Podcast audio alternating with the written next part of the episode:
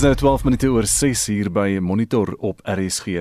En 'n oorsig vinnig oor die koerant voorblaaie van Dinsdag die 8de Desember. Die burger se voorblad vanmôre CR vaar uit teen oorlog in die ANC. Partyleiers ook verplig om NUK besluite te gehoorsaam. Die party lyk voortdurend of hy in 'n oorlog met homself gewikkel is, sê Cyril Ramaphosa. Die president het glo nie teruggehou nie tydens sy politieke rede in die nasionale uitvoerende komitee nie almal aan party se grondwet gebind, sê hy. Daar's ook 'n berig op die burger vanmôre oor die super verspreider geleenthede wat hierdie sogenaamde vakansie rages kan word. Die J-Bay Rage en die Joburg Rage is voorlopig uitgestel. Beeld in Volksblad se digitale voorblad vandag ook die berig oor president Ramaphosa se uitsprake in die NUK en dan meisies uit voertuig geslinger en dit die storie oor die jong maats wat dood is na 'n voortrekkerkamp in Belfast in Mpumalanga.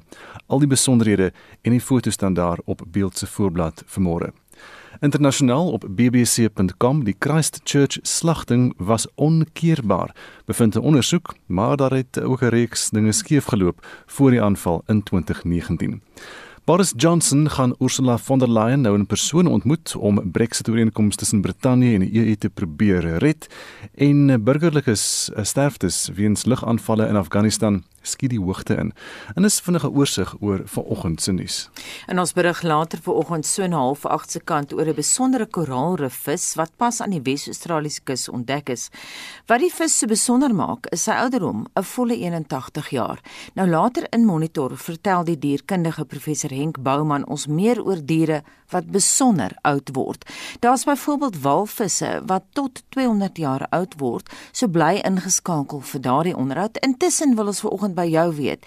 Het jy dalk 'n troeteldier gehad wat 'n besondere hoë ouderdom gehaal het? Stuur vir ons 'n SMS na 45889. Dit kos R1.50 of gaan na facebook.com vorentoe skynstreep ZRC of WhatsApp vir ons stemnota na 076 536 6961 076 536 6961 Dis nou kwart oor 6 in die saak oor Denel se minagting van die hof is tot 27 Januarie volgende jaar uitgestel. Dit volg nadat Denel nie die hofbevel van 4 Augustus uitgevoer het om teen 7 Augustus alle agterstallige salarisse te betaal nie. Die vakbond Solidariteit het in reaksie 'n saak van minagting van die hof teen Denel gemaak. Die sektorkoördineerder van lugvaart en verdediging by Solidariteit, Helgard Cronje, sê die hofuitspraak dat Denel se direksie kans gegee moet word om op die eetverklaring van solidariteit te reageer, is teleurstellend. Die eerste hofsaak het in September plaasgevind. Die solidariteit het prima facie saak uitgemaak dat die hofbevel daar bestaan dat die hofbevel nie nagekom is nie. En die hof het ook keer datum gegee waarop Denel eintlik moes kom sê hoekom hulle nie die hofbevel geminag het nie. En ons het 'n uitspraak verwag by laaste donderdag se hofsitting dit klink of nou aangevoer het dat daar sekere aspekte in ons eetverklaring is wat nie eens waarop hulle kans kan kry om te reageer. Ons sien is dat al die inligting wat op ons eetverklaring is, reeds aan hulle bekend was en dat ons se deurentyd met hulle gekommunikeer het dat dit waarmee hulle besig is verkeerd is. So ons kon nie sien dat hulle weer daarop moet antwoord en dit spreek natuurlik dan af van daai teleurstelling. Ons wil hierdie hofprosesse tot die uiteinde te dryf met voel maar altyd of daar net nog 'n uitstel is en die realiteit daarvan is daar's van ons lede wat besig is om huise te verloor, karre te verloor, die kinders wat ook kan gaan nie, hulle kan nie skoolgeld betaal nie. So dit is 'n frustrerende proses. Dit is dan daarom waar mense maar teleurgestel word. Waaroor gaan hierdie saak? Dit kom basies daarop neer dat ons die hofbevel wat ons op die 4 Augustus gekry het, waar die hof beveel het dat die NEL as dit reg gaan onthou teen 7 Augustus ons lede se uitstaande salarisse en dat statutêre betalings moes betaal omdat hulle dit grondagsaam het. So ons probeer daai bevel afdwing en om dit te doen, een van die twee stappe wat 'n mens kan volg is om die hof te kry te verklaar dat die partye die hof bevel gemin ag het. Is Tenel nog 'n lopende saak? Ons glo Tenel kan dit nog maak. Baie van die divisies het nog tot 'n groot mate baie sterk dit aanvraag vir van hulle produkte in die buiteland. Van die divisies is Tenel Aeronautics het verlede maand 100% salaris betaal en hulle het van die pakkette van werknemers wat in Februarie afgelê is, die laaste pakkette betaal. So daar is definitief kontant binne in Denel en dit is juist basies die fundament van ons argument dat Denel tot 'n sekere mate wel kontant vloei het. Die vraag is hoe en waarvoor wend hulle dit aan? As daar 'n hofbevel is, moet die hofbevel prioriteit geniet. Watter lede van julle is by watter divisies wat nie betaal is nie?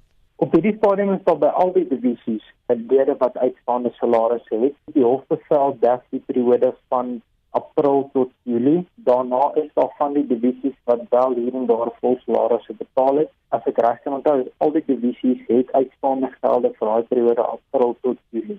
Van Augustus af is daar hier en daar divisies wat enkele maande net die salarisse betaal het. Baie min van die divisies het die bruto salaris betaal wat aan jou aftrekking sou insluit. Meeste van hulle het net 'n vol mense salaris betaal. En wat is die rede wat hulle aanvoer? dit kom basies maar daarop neer dat hulle nie genoeg geld het om na te kom nie. Tot 'n sekere mate kan 'n mens dit beamoen maar soos ek sê dit gaan oor wat 'n prioriteit moet geniet. Ons het opgestel gekry aan hulle ander skuldeisers aan wie hulle betaal het byvoorbeeld nie opgestel nie. Die storie die vraag is hoe wens jy jou geld aan? Ons sien is as daar opgestel is moet dit nagekom word. En dit gaan hierso oor daai beginsel die oppergesag van die reg daai beginsel moet tog op die einde van die dag seker anders dis ontstaan die vraag hoe dwing mense hofbevel af en wat beteken 'n hofbevel werk? Helga, daar is mense wat sê dat daar werknemers by Denel is wat al vir 9 maande niks geld gekry het nie. Is dit waar?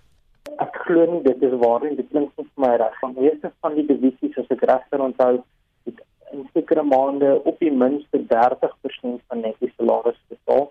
So dit is nie 'n kwessie dat iemand niks geld gekry het nie, maar dan moet ons ook vir mekaar sê as jy 'n salaris van kom ons sê R20000 verdien en jy kry maar 20% daarvan of 30% daarvan wat maak 'n mens werklik daarmee? Party mense moet besluit of hulle hulle huis of hulle kar betaal en dan bly daar basies niks oor. As Tenel dan nou nie meer sy mense kan betaal nie, watse pad moet hy loop as 'n staatsbeheerde organisasie?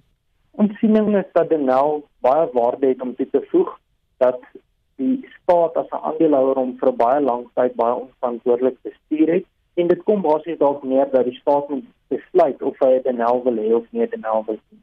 Want waar ons staan staan is nou alhoewel ons glo hy is 'n lopende staat gaan hy een of ander vorm van herkapitalisering nodig hê in sekere van die divisies vir daai divisies om dit te oorleef. Sodra hulle op 'n idee kom sal hulle dit maak. Die staat het volgens my al in 2019 aangedui dat hulle 'n strategie ondersteun waar Denel van sy nuutkern besighede moet ontslaak en dat hy strategiese kapitale beleggers moet kry vir die divisies wat hulle self nie kan dra nie maar wat hulle nog steeds beskerm deur die besigheid beskou. Nou daai proses het basies vir die laaste 2 jaar gestuur waar geen vordering daarop gemaak is. Die hoofrede daarvoor is omdat die staat as 'n aandeelhouer sluier in die goedkeuringsproses van daardie transaksies as 'n mens mooi gaan fynkam hoekom en wat hulle redes is wat hulle daarvoor aansit, kom dit basies daarop neer dat hulle nie die mag in hierdie maatskappye wil hê gaan nie want hulle sou benel as deel van hulle soewereiniteit vir die staat en vir die weermag spesifiek. So hulle wil nie daai mag laat gaan nie, maar die teenoor is ook waar as hulle dit nie gaan toelaat nie, gaan hulle in elk geval nie benel hê nie want as dinge voortvloer soos nou gaan benel afgeval fout. Die stem daarvan Helgard Kronje, is die sektorkoördineerder van lugvaart en verdediging by Solidariteit en het met Mitsi van der Merwe gepraat. Denel het nie gister op Monitor se navraag gereageer nie.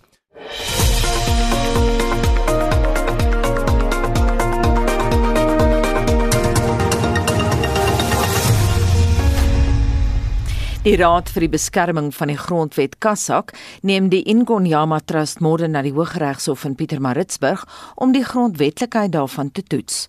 Die uitvoerende sekretaris van Kassak, Lose Naidu, voer aan dat die trust nie tot voordeel van die stamlede bestuur word nie. Dit bedreig die lede se sekerheid tot verblyfreg. Die trust wat in 1994 gestig is, is onder die beheer van die Zulu koning Zwelithini Goodwill.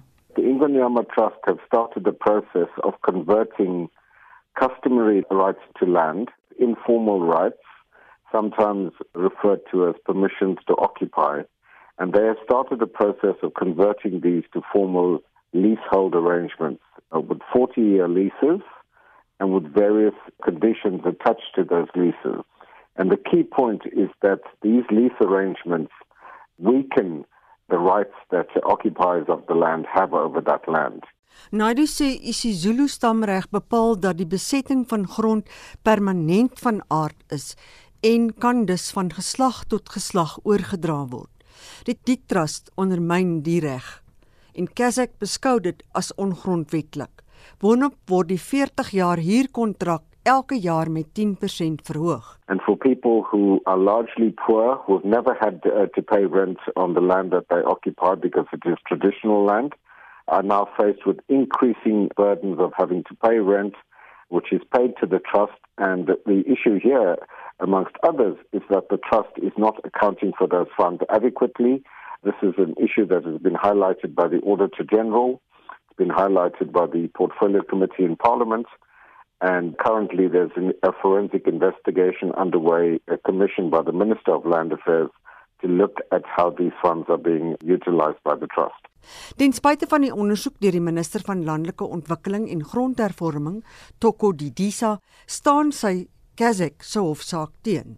Indeed, uh, we are somewhat uh, perplexed that the minister is, is opposing our court application. We feel that the minister has failed and the department has failed over many years to formalize the rights that customary uh, land rights owners have over the land. The Constitution in Section 25 requires government to formalize those rights. They failed to do so, and this has put people who live in these rural areas subject to the authority of the trust, where they seem to have very little recourse as a result of that, having to go to court.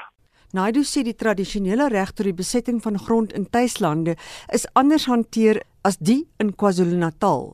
Dit volg na die destydse nasionale party die grond aan koning Goodwill Zwelithini oorgedra het voor die eerste demokratiese verkiesing. All the other land under the control of the various other homelands reverted to the state at a national level and all of that is now a state-owned land on which uh, people reside. It was only in KwaZulu-Natal where a trust such as the Ingonyama Trust has been set up with King uh, Goodwill Zwelithini as the sole trustee. But the trust has not acted for the benefit of the people who occupy the land. And this again is, is a breach of the trust relationship, which is a fiduciary relationship for trustees to act in the interests of the beneficiaries of that trust. Lawson Naidu is die uitvoerende sekretaris van Kazak. Mitsi van der Merwe SAK nuus. 28 oor 6 in die burgerregte organisasie AfriForum het gister 'n verslag uitgereik oor die voortdurende verkrachtingskrisis. Die hoof van veldtogte by die organisasie, Monique Taute, sê die verslag kom tot die gevolgtrekking dat burgers hulle self sal moet beskerm omdat die regering nie in staat is om dit doeltreffend te kan doen nie. Volgens die nuutste jaarlikse misdaadsyfers word daar gemiddeld van 116 verkrachtings per dag by die polisie aangemeld.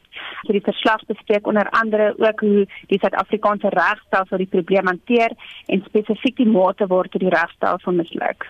Tate brei uit oor die verslag se bevinding van die regering se hantering in misdaadbekamping.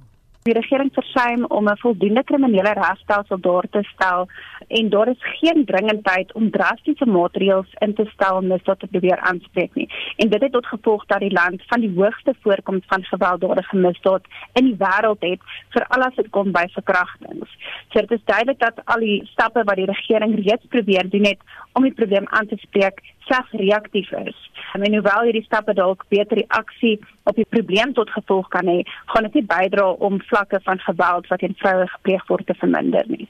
Dit sê Tate maak dit vir die Suid-Afrikaanse burgers noodsaaklik om hulle huise te beveilig en dit so moeilik as moontlik te maak vir misdadigers om te kan inkom. Verder moet mense ook seker maak dat hulle maklik 'n noodoproep na buurtwagte of hulle sekuriteitsmaatskappye kan stuur as hulle dringende hulp nodig het. En laastens enige iemand wat moontlik 'n slagoffer kan word, weet om hulle self te verdedig en nie huiwer om dit te doen nie. So Afriforum glo dat die oplossing lê binne gemeenskappe om hulle self te beveilig want die regering vir ons net in hierdie verband. Monique Tate, die hoof van veldtogte by die burgerregte organisasie AfriForum. Mitsi van der Merwe, SAK nuus. Gepraat van die SMS'e, ons uh, terugvoer vanoggend van STS die môre. Môre Gustaf, ons praat vanoggend oor diere wat besonder oud word en Louise Du Plessis van Riversdal sê my dierbare Siamese kat Queenie het 21 mensjare oud geword. Sy was so liefdevol en glad nie katterig nie. Sy was op die ou en doof en blind en ek moes haar laat uitsit, maar daardie besluit was vir my baie traumaties. Ek dink nie ek het al ooit so baie gehuil nie. 'n Luisteraar skryf op ons SMS-lyn: My ma Anna Jordaan se valkat genaamd Stertjie het 36 jaar oud geword en die koerante gehaal op Kraddock. My ma was 'n onderwyseres op die dorp en was besonder lief vir katte.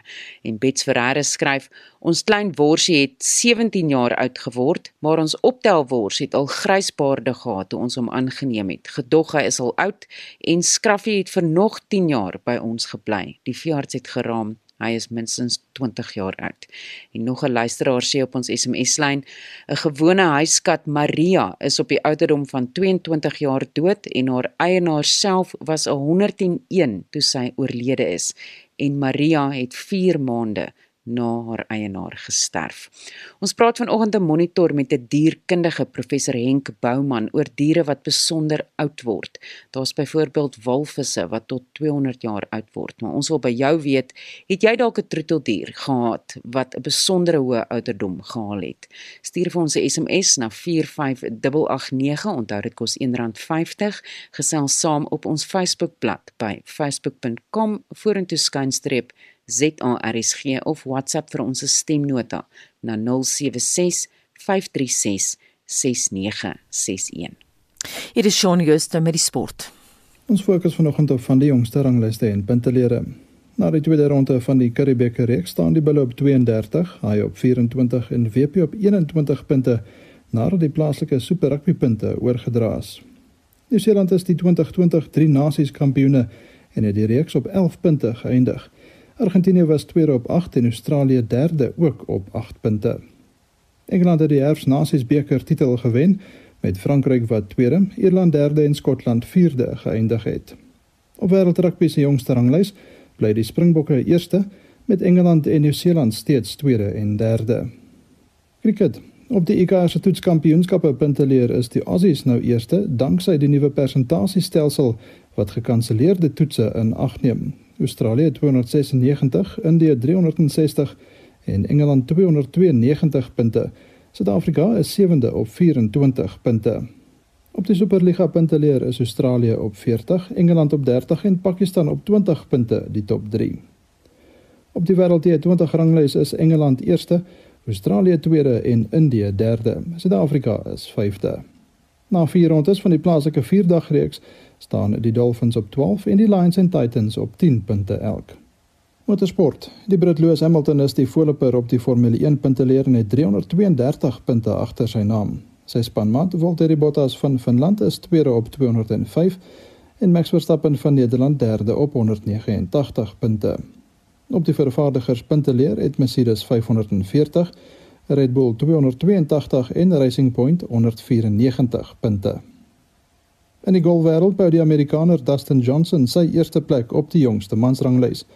Die Spanjaard Jon Ramirez tweede en Justin Thomas ook van Amerika derde. Suid-Afrika se Louis Oosthuizen val met 1 plek na 21ste. Christian Besaidnout spring met 6 plekke na 35ste en Erik van Rooyen bly 53ste. Die top 3 vroue is Jin Young Ko en Seong Kim van Suid-Korea en die Amerikaner Nelly Korda Suid-Afrika se Ashley Buy val met 3 plekke na 74ste.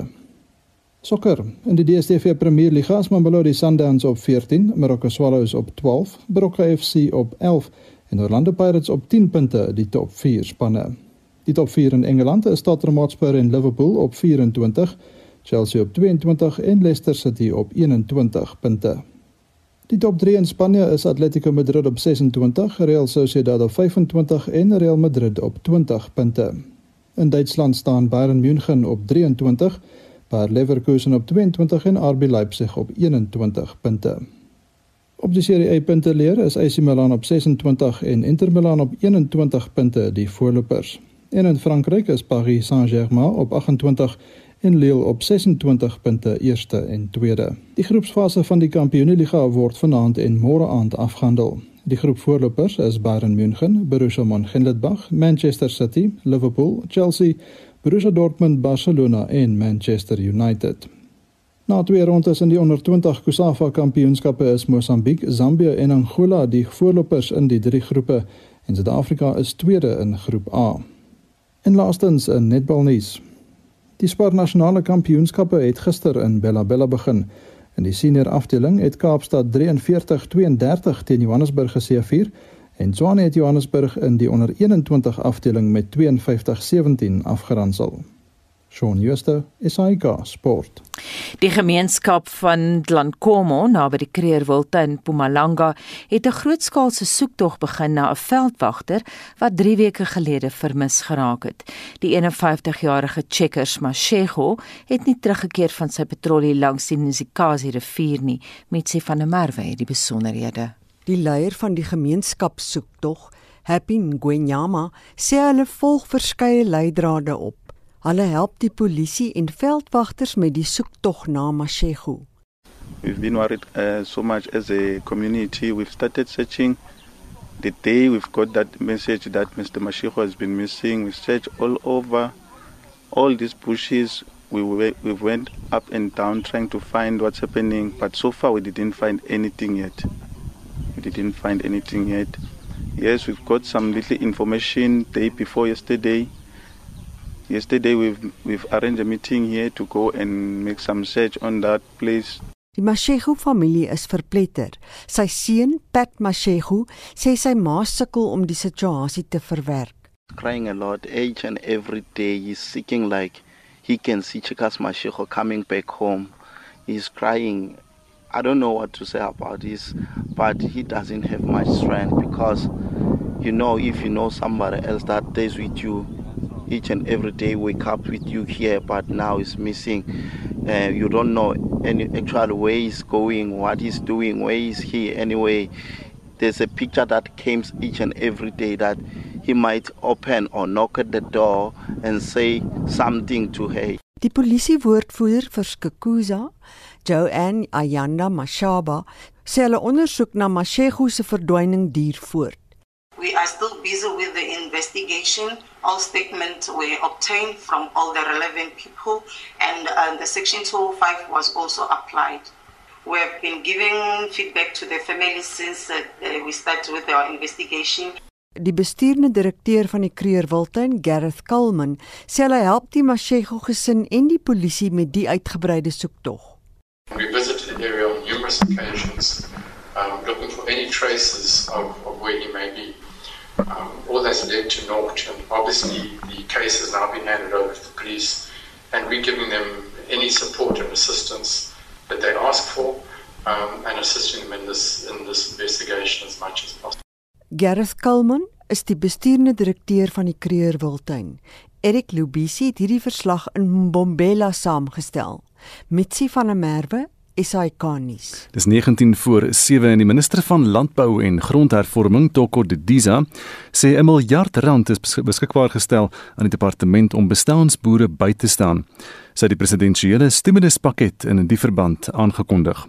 Afhangend van die betrokke kriteria kan aansoekers tussen R1000 en R9000 van die regering ontvang. Marlene Forsie het meer besonderhede. Die DISA het tydens 'n aanlyn konferensie gesê die departement beoog om 150 000 bestansboere by te staan in 'n poging om werkskepping aan te moedig. Sy sê dit is belangrik omdat die sektor dikwels afgeskeep word. Minstens die helfte van die land se bestansboere is boonop vroue. We have therefore decided to target 50% of women to be beneficiaries in this intervention. 40% of these will be youth and 6% will target people with disabilities and unemployed military veterans, farm workers, and farm dwellers. During the implementation of this program, the department will employ unemployed NARISEC youth and unemployed agricultural graduates to work as verification officers. The Youth Employment Initiative will support the creation of jobs in excess of 6,000 temporary jobs. Enigiemand met 'n selfoon kan aansoek doen om die reddingsboei, of dit nou 'n slimfoon is of nie. Die kriteria waaraan voldoen moet word is as volg. will follow minimum qualification criteria, which will ensure that all South Africans are 18 years and older, have a South African identity document, are not employed by government, are currently actively involved in agricultural production, and not having received support from our department in the current financial year. Applicants are notified that only one application per household will be permitted. Volgens die departement se kind en Heiman is die aansoekproses eenvoudig. The first part of the application is to apply online so that you can get a reference number. In this application, it's a USSD code and you follow the code and you then indicate what type of support you are looking for. So the support is divided into fruit and vegetables, which is under a, under a hectare, poultry units, there's either layers or broilers. Then we have small stock, we have less than 25 units, and then for the large stock, you would have less than five large stock units. And within those packages, there's an award for the different types of packages. Om hierby uit te kom moet selfoongebruikers slegs die volgende kode intik op hulle selfone: sterretjie 134 sterretjie 4536 Hertzmark.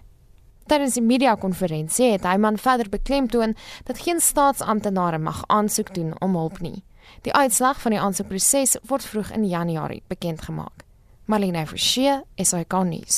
Die navorser Langa Libalele Matenjwa is gekritiseer vir 'n bevinding 12 jaar gelede dat daar geen bewys was dat die Wes-Kaapse regter president John Globe regter Chris Jafta wou beïnvloed nie. Matenjwa het getuienis gelewer by die regtelike gedragstribunaal se verhoor teen Globe wat in Kempton Park plaasvind, Mitsi van der Merwe doen verslag. Die bewering is dat die Wes-Kaapse regter-president John Globe na 'n ongunstige uitspraak vir die voormalige president Jacob Zuma in 2008 in die Appelhof probeer het om regters by die konstitusionele hof te oortuig om Zuma te help. Die volle bank van die konstitusionele hof het die saak by die regtelike dienste kommissie aangemeld. Na verskeie vertragings en 12 jaar later word die tribunaal na Globe se optrede uiteindelik gehou. Dit sal bepaal of hy wel vir regters Bes Nkabinda en Chris Jafta wou ooreed het in individuele ontmoetings met elkeen. Kloppe word van grouwe wangedrag aangekla. Die navorser en taalkenner Langa Libalene Machenjwa was die eerste en enigste getuie op die eerste dag van die verhoor voor die tribunaal. Matenjwa se getuienis het gegaan oor die frase wat Kloppie in sy vergadering met regter Jafta sou gebruik het. Sesitembele kininya wat vertaal word as jy is ons laaste hoop of ons vestig ons hoop op jou. In sy verslag het Matenjwa nie bevind dat Kloppie enigsins verkeerd opgetree het nie. I'm convinced that I've delivered on my mandate to prove that Sesitembele Kunina was only purported for the trust, confidence, faith, reliance, and hope that Judge President Hlope had, and not the other way. Informed by all the information furnished to me, there is absolutely no evidence that indicates the fact that the phrase Sestembeleginina was ever intended to influence Justice Jafta. Matenja se getuienis is uitgedaag deur advokaat Gilbert Marcus wat die konstitusionele hofregters verteenwoordig. Hy het Matenja se getuienis uitmekaar getrek. As I understand it, you have never interviewed Justice Jafta, is that correct? I did not interview Justice Jafta. I was only relying on the documents that were, for, uh, were presented to me. So you presumably logically also accept that the only person who can give evidence as to how he understood it is Justice Jafta himself. I think, as the language speaker and as the expert in the language, I qualify to do the analysis that I've done in this. What I'm simply putting to you is that the only person who can tell us how he understood the phrase is Justice Jafta himself. Well, I cannot actually deny that if he comes up with something that based on, on, on whatever, I won't, I won't deny. Regters Nkabinda en Jafta sal na verwagting vandag wanneer die verhoor hervat word getuig. Wisani Makubele het hierdie verslag saamgestel. Mitsi van der Merwe, SAK nuus. Een huidige en een voormalige president van Ghana, Nana Akufo-Addo en John Mahama, het gister teen mekaar te staan gekom in die Wes-Afrika land se verkiesing. Vir meer hieroor praat ons nou met Liesel Lou Voldra van die Instituut vir Sekuriteitsstudies in Pretoria. Môre Liesel. Môre Anita. Skets gou-gou vir ons 'n prentjie van die twee kandidaate en uh, date en hulle partye die NDC en die NPP. Ja, so die uitgaande president Akufo-Addo, hy is hier in sy middel 70 76 jaar oud. Hy is die leier van die NPP, die New Patriotic Party. En hy staan 'n goeie kans om te wen, hoewel miskien met 'n klein klein meerderheid. Uh, sy opponent dan nou John Mahama, die voormalige president, hy is nog relatief jonk, 62. Hy is die leier van die National Democratic Congress, die NDC wat destyds deur die oud president Jerry Rawlings eintlik uh, begin is. Hy is nou onlangs oorlede. Maar die twee kandidate um, is nou die derde keer dat hulle teen mekaar te staan kom. In 2012 het Mahama gewen. Ehm um, so hy het vir 4 jaar was hy vir 4 jaar aan bewind en toe die vorige verkiesing het Akufo-Addo gewen. Maar wat interessant is Anita is dit met klein meerderheid in 2012 veral um, het Mahama net oor as oor die 50% gekry en tog het hulle die uitslaa aanvaar en ons het nie gesien soos in ander verkiesings in Afrika waar onmiddellik waar die iemand verloor, die oppositie verloor dan ehm um, word uh, betwis hulle die uitslaan nie. Ons nie hmm. net in Afrika natuurlik en op ander plekke ek het geweet jy gaan Amerika bybring of verwys daarna want ek wou. maar Ghana is regtig waar 'n bak uh, in die woestyn uh, van jy weet wanneer dit kom by goeie verkiesings en demokratiese verkiesings Wie sal jy sê nou Adol staan 'n goeie kans om te wen. Is daar enige buiteperde wat mens dalk sou moes dophou Nee, eintlik nie. Anita, daar's 11 uh, kandidate altesaam, daar's 3 vrouens. Ehm um, ek dink nie in hierdie stadium uh is daar enige kans vir enige ander kandidate om te wen nie, hoewel in die toekoms dalk gaan daar ehm um, jonger kandidate voorkom. Ons moet uh, ook bysê dat 'n groot meerderheid van die 17 miljoen ehm um, stemgeregtiges baie jonk is. So hoewel die situasie nou vir die laaste uh dekade of wat ehm um, stabiel kan ek amper sê ehm um, deur dieselfde soort elite uh, en daai twee politieke partye gedomineer is kan 'n mens dalk veranderinge sien uh in die jare wat kom.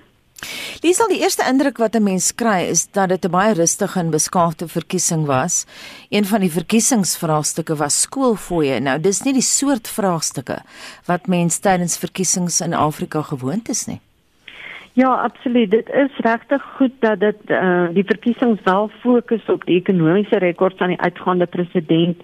Eh uh, kwessies soos jy sê skoolfooie en uh, ehm um, president eh uh, Akufo-Addo staan daarvoor bekend dat hy ook 'n hoërskool ehm um, onderwys gratis gemaak het. Um, in in natuurlik COVID-19 ehm um, Ghana het omtrent 50000 gevalle. Dit klink nou min teenoor Suid-Afrika, maar ehm um, in daai streek veral in Wes-Afrika was dit een van die hoogste ehm um, COVID-19 ehm um, uh, infeksies uh, in Ghana. So so dit is uh interessant dat dit regtig fokus op kwessies en nie net soos ons sien ja 'n moddergooiery hmm. tussen partye en 'n magspel nie. Nou hierdie indruk van rustigheid het ook betrekking by vooraf tydperk toe meeste kandidate besluit het om hulle politieke veldtogte op te skort uit respek vir Jerry Rawlings wat op 12 November dood is.